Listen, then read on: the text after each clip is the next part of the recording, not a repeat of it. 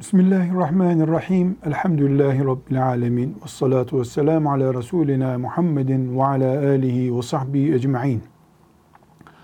Hediyeleşmek bize Resulullah sallallahu aleyhi ve sellem'den kalmış bir sünnettir. Tıpkı öğlen namazının sünnetinin bize Resulullah sallallahu aleyhi ve sellem'den kaldığı gibi.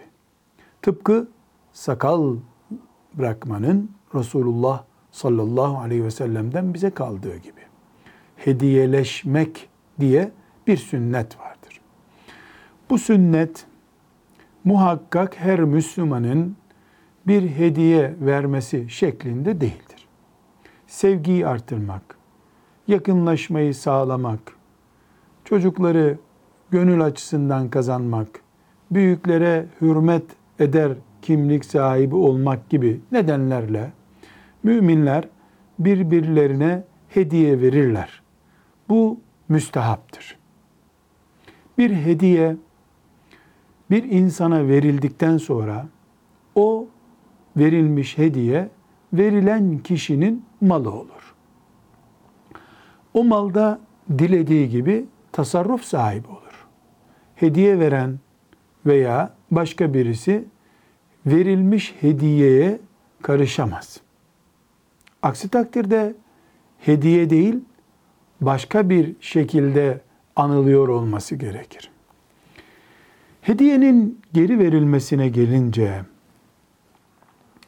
Resulullah sallallahu aleyhi ve sellem Bukhari'nin El Edebul Mufrad isimli kitabında rivayet ettiği bir hadis-i şerifinde hediyeyi geri vermeyi nehyetmiştir. Yani hediyeyi reddetmeyin buyurmuştur. Hediyeyi reddetmeyin sözü de haram işlemiş olursunuz demek değildir.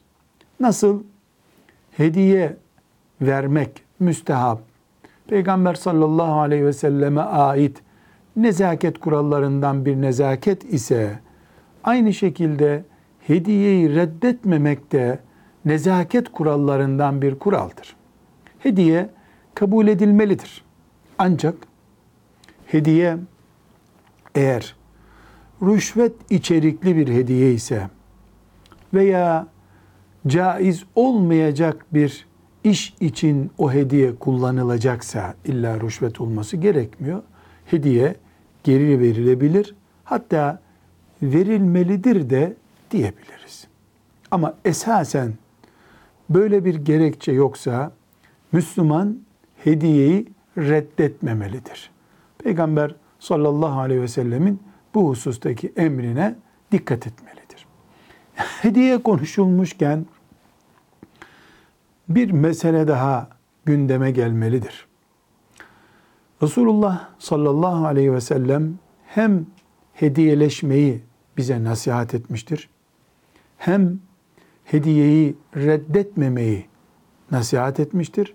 Hem de hediye verene, iyilik yapana teşekkür etmeyi emretmiştir. En azından Allah razı olsun senden demeyi emretmiştir. Belki de daha güzeli hediyeye hediye ile karşılık vermektir. Ama bu şart değildir. Hediyeye hediye ile karşılık verilmeyebilir ama muhakkak teşekkür edilmelidir. Bu mümin nezaketidir. Müminin Peygamber sallallahu aleyhi ve sellemin izinden gittiğinin işaretidir. Velhamdülillahi Rabbil alemin.